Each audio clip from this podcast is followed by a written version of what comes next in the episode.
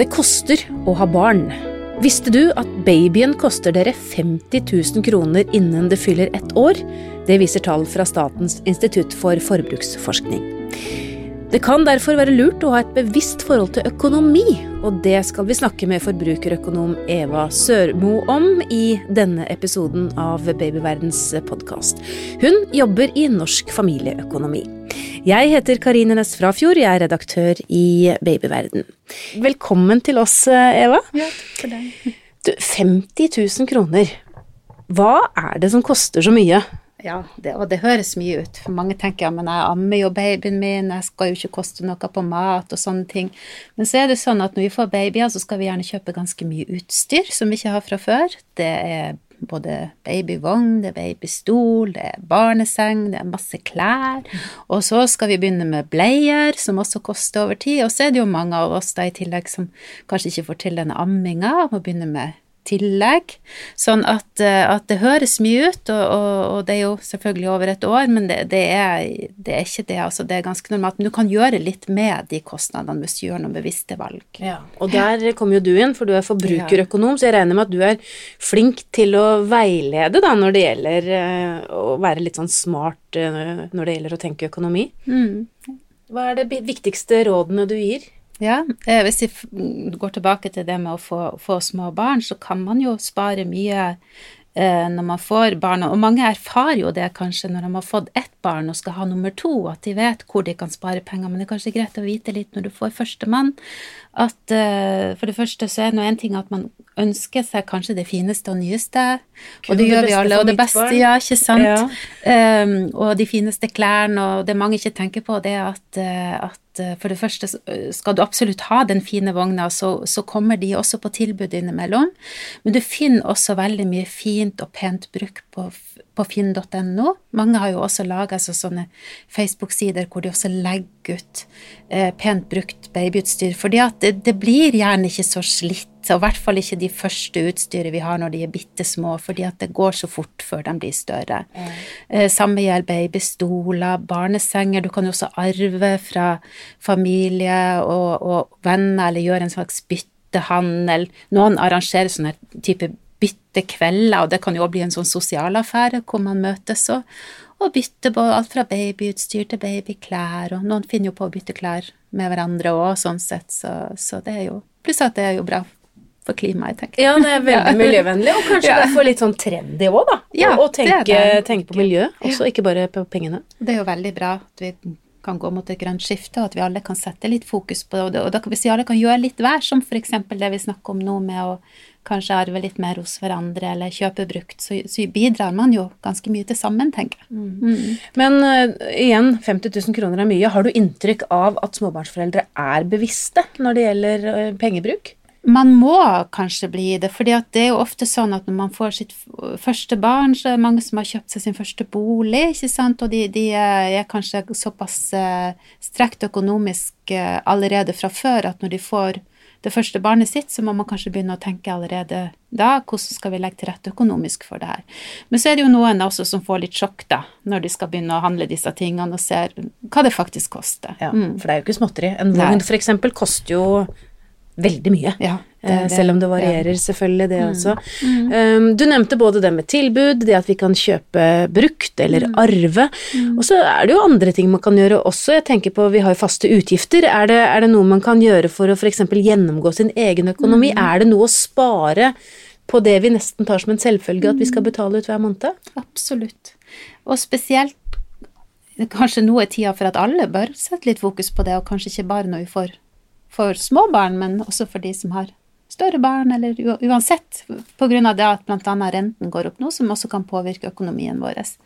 Eh, det som eh, man kan starte med da, det er å gå, ta gjerne ut, eller gå inn på nettbanken og se på kontoskriften dine tilbake i tid, og så ser du om du har ting du betaler på som du strengt tatt ikke trenger. Det kan jo være utgifter til trening på eh, treningsstudio eller medlemskap du faktisk ikke bruker. Eh, ta bort sånn type kostnader som er unødvendig, og vurder da når du går tilbake i tid, så vil man fort også se at man ja, det var kjekt å gå på den kafeteriaen, ikke sant, og, men kanskje du vil se det at hvis du gjør det eh, fem dager i uka, så koster det fort et par tusen lapper i måneden, mm. og at man da kan begynne å tenke seg litt om og kanskje gjøre det en gang i uka. For man skal ikke la være å gjøre de koselige og kjekke tingene, men kanskje at man har litt mer bevisst forhold til det, for alt det her koster mye til sammen. Mm. Eh, man kan også se litt på hvor mye kan man betale på eh, Altså de største pengene kan man jo selvfølgelig spare på det med å gå gjennom eh, forsikringer. Har du egen bolig og egen bil, så er det jo mange som sparer både 5000 og 6000 i året på å bare hente tilbud fra forskjellige forsikringsselskap. Gjerne sier sjekk tre en gang i året. Mange syns det er så vanskelig. Er nei, det det? det er ikke det. Fordi at uh, det høres vanskelig ut, for at du må gjerne oppgi hva du har fra før. Men det kan være så enkelt som at du tar, uh, tar i utskrift av det, de tilbudene du har fra før, strek over prisen så ikke de ser hva du betaler, og send til de du vil ha tilbud fra, for da får du tilbud på de vilkårene du har. Uh, hvis du ikke streker over prisen, så legger de seg veldig fort bare litt under. Ah, ja. For det er dessverre sånn at det er lojale forsikringskunder som betaler mest. De som ikke sjekker priser, de som ikke bytter. Og vil du ikke bytte, ja nei, så gå tilbake til din forsikringsselskap igjen, og så uh, forhandler du på prisen der. Så setter de deg fort ned i pris hvis du har fått noe bedre. Så hvis vi er litt sjenerte, så må vi bare legge vekk det? Det må man legge bort, ja. og så sjekk også om man har type forsikring, altså muligheter gjennom arbeidsgiver, andre ting, medlemskap som gjør at man kan få billigere forsikring, for da er det ofte sånn at man får de aller billigste, og da kan ofte ikke de generelle forsikringsselskapene konkurrere med de, de uh, tilbudene. Og da, jeg tenker ja. ofte at uh, kanskje det er greit å ha begge to, eller uh, er det mange som dobbeltforsikrer seg, at det bare er dumt? Å ja, det må du altså det å dobbeltforsikre på hus og hjem og sånn, det, det, gjør man jo, det må du ikke gjøre.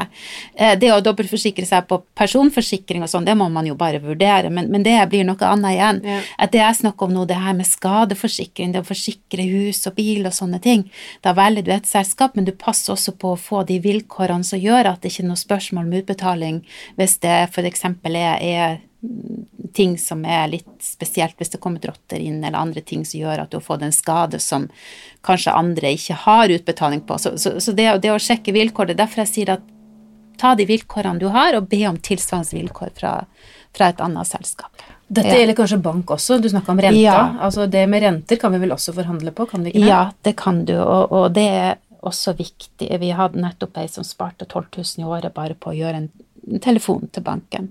Eh, det som er der, er at eh, du, bør sjekke hva er det andre bankers tilbyr. tilbud. Vi har et rentebarometer hos oss mm. hvor du kan se, det er oppdatert til enhver tid, hvor du kan se de beste bankene. Og det du ofte ser da, det er at de som er best på lånetilbud, det er de du får gjennom igjen sånn medlemskap som noen har via NITO, YS, Akademikerne, hvor du får de aller beste betingelsene, eller Statens pensjonskasse.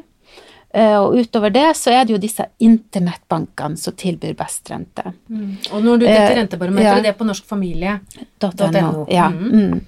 Uh, og det du gjør da, det er at du kan gå inn på internett, og du kan legge inn en generell søknad om lån tilsvarende det du har i dag, eller det du ønsker å låne.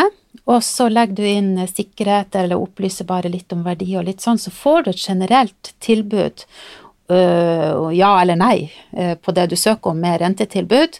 Og hvis du da skal gå videre, så må du gjerne sende inn alt av det med seg, altså skattemelding og, og, og, legitimasjon og sånt. Men i første omgang så handler det om å få et tilbud og se hvilken renter du ville ha fått mm. i den aktuelle banken. Ta med tilbudet enten tilbake til banken din, eller så bytter du enkeltbank. Og når du bytter bank, så er det sånn at de fleste bankene gjør mesteparten av jobben for deg. Og noen banker bytter sågar eh, lage et brev som du gjør til arbeidsgiver om bytte av, av lønnskonto, de flytter over avtaleskier og sånn, så det er ingen stor sak å bytte bank i dag. Høres ut som det er lett å, å, å spare penger. Det er gjort på kort tid, men du klart, du må sette altså det her Eh, mange unngår å gjøre denne jobben med å sjekke forsikring og bank, for det er jo som, sånne ting som kanskje man tenker at det tar lang tid. Men sett heller av et par timer, og, og trenger du litt hjelp, så få noen til å hjelpe. Snakk med rådgiver og få noen til å hjelpe deg med å gjøre det. Mm. Mm. Igjen, jeg må tilbake ja. til de 50 000 kronene ja, som vi skal ut med når man får barn. Da. Eh, ja. Det er jo kanskje fristende for noen å bruke kredittkort. Ja. Men det kan vel også kanskje fort bli dyrt? Ja, det kan det. Noen, og ikke bare kredittkort, men, men delbetal og, og diverse sånn løsninger som tilbys når man handler, det blir fort veldig dyrt. Og det, og det er veldig fort at den vogna kan koste deg nesten dobbelt så mye hvis at du tar den på kredittkort og, og, bruker lang tid på tilbakebetaling. Og så er det jo ikke bare sånn at da faller man for fristelsen å begynne å bruke kredittkort eller avbetaling på sånne ting, så kan man fort bli frista til å kjøpe det neste òg. Og da sitter man kanskje et år etterpå og betaler på ting som man egentlig ikke syns har så stor verdi lenger, og det er mm. ganske kjedelig. Eh, så i den grad man klarer det, prøv å sette av penger, planlegg det her når dere eh, skal ha barnet deres. Sett av noen, noen, noen, hundrelapper i god tid hver måned i forveien, sånn at dere har litt penger å ta av når dere skal begynne å handle.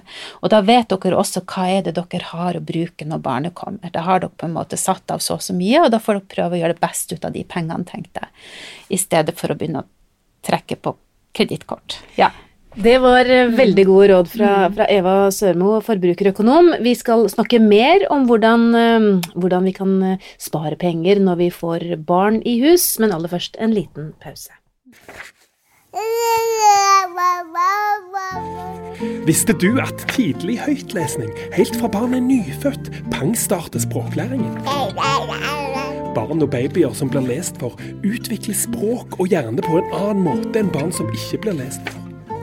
Godboken er bokklubben som tilbyr barnet ditt riktig bok til riktig tid, som engasjerer og bidrar til språkutviklingen. Se første bokpakke til barnet ditt på godboken.no. Hvor dyrt er det egentlig å ha barn? Det er det vi snakker om i denne episoden av Babyverdens podkast. Og Utberegninger viser faktisk at det koster deg 50 000 kroner det første året, og vi har snakket litt om forsikringer og bank, at det faktisk er ganske enkelt å spare tusenvis av kroner hvert eneste år hvis du er litt bevisst og forhandler med banken eller forsikringsselskapet ditt. Men sånn i det daglige, Eva, eh, jeg tenker Jeg har jo lest og hørt mange ganger at det er så lurt å gjøre store innkjøp, f.eks. en gang i uka, mm. dagligvarer. Jeg, synes, jeg er veldig flink en uke og to, og så ramler jeg av igjen. Mm. Hvordan skal man klare å lage en rutine ut av det? Og er det noe egentlig å spare? Ja. det er det. Ja, det har vi testa ut. Det ja. som er, og det er det du sier, det er at mange prøver og mange, Vi er litt sånn med økonomi at vi Når det er litt dårlige tider eller vi har litt dårlig økonomi, så er vi flinke å gjøre disse tingene her. Og så tenker vi at ok, nå skal vi være flinke, og så legger vi en plan for å handle på lørdag eller handle på tirsdag. Eh, men det er mye penger å spare på det. Eh, Anbefalinga mi er jo det at man kanskje går sammen om det. Eh, at man setter seg ned med ikke bare de, de, voksne, men dra med barna. Lage en, en, meny for uka, hva ønsker vi å spise, ikke sant, og så skrive ei handleliste sammen.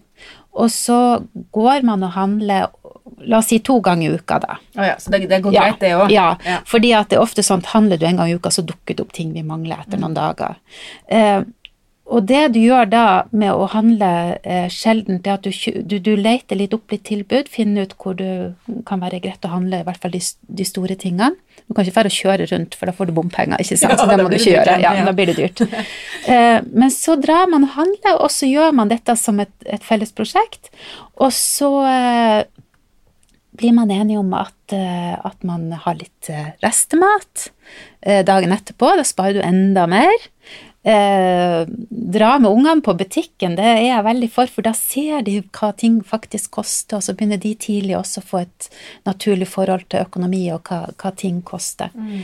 Eh, vis dem tilbudene, ikke sant, at Nugattien koster så og så mye, hvis du kjøper et alternativ, så koster den mye mindre, ikke sant. Ja. Det høres veldig ideelt ut, og jeg vet at det her tar litt tid i en travel hverdag. Mm. Men anbefalinga i den grad man klarer, så prøv å ikke handle mer enn to ganger i uka. For det som skjer når vi handler f.eks. på turen hjem fra jobb, da er vi sulten, og vi har det travelt, og vi ser ikke og sammenligner ikke priser fordi at vi skal fort hjem og lage middag. Mm. Og så når vi er sulten, så får vi også lyst på ting vi egentlig ikke hadde trengt å kjøpe, og så putter vi det opp i handlevogna, ikke mm, sant. Mm. Ja. Så i den grad vi klarer, prøv å sette av en dag i uka til felles planlegging av, av ukesmeny, og så handler man gjerne sammen, og så, og så uh, sparer man mye penger på det. Ja. Mm. Du var litt inne på det i sted i forhold til at man kanskje bør sette av noen hundrelapper eh, i måneden når mm. man venter barn, men det med sparing mm. eh, Noen har jo knapt med penger, og vi har gjentatt det kjedsommelige her at 50 000 kroner altså skal ut det første mm. året, i hvert fall.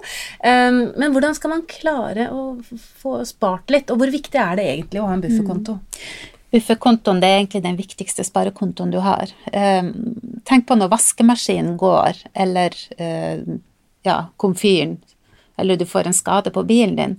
Hvis du ikke har den bufferen, så tyr du fort til dette kredittkortet vi snakker om. Mm. Og da blir det dyrt. Um, så det bufferen det skal være til sånne uforutsette ting som dukker opp i løpet av året. Og, og, det å bygge seg opp en bufferkonto, det er jo altså i første omgang, som du sier, det kan jo være tøft for mange å klare å sette av de kronene, men det er den viktigste sparekontoen. Så, så sett av noen hundrelapper hver måned når, på lønningsdagen din. Mm. Ikke vent på slutten av måneden, da er pengene brukt opp. det er det, ikke sant? Ja, ja, ja, Eh, ja.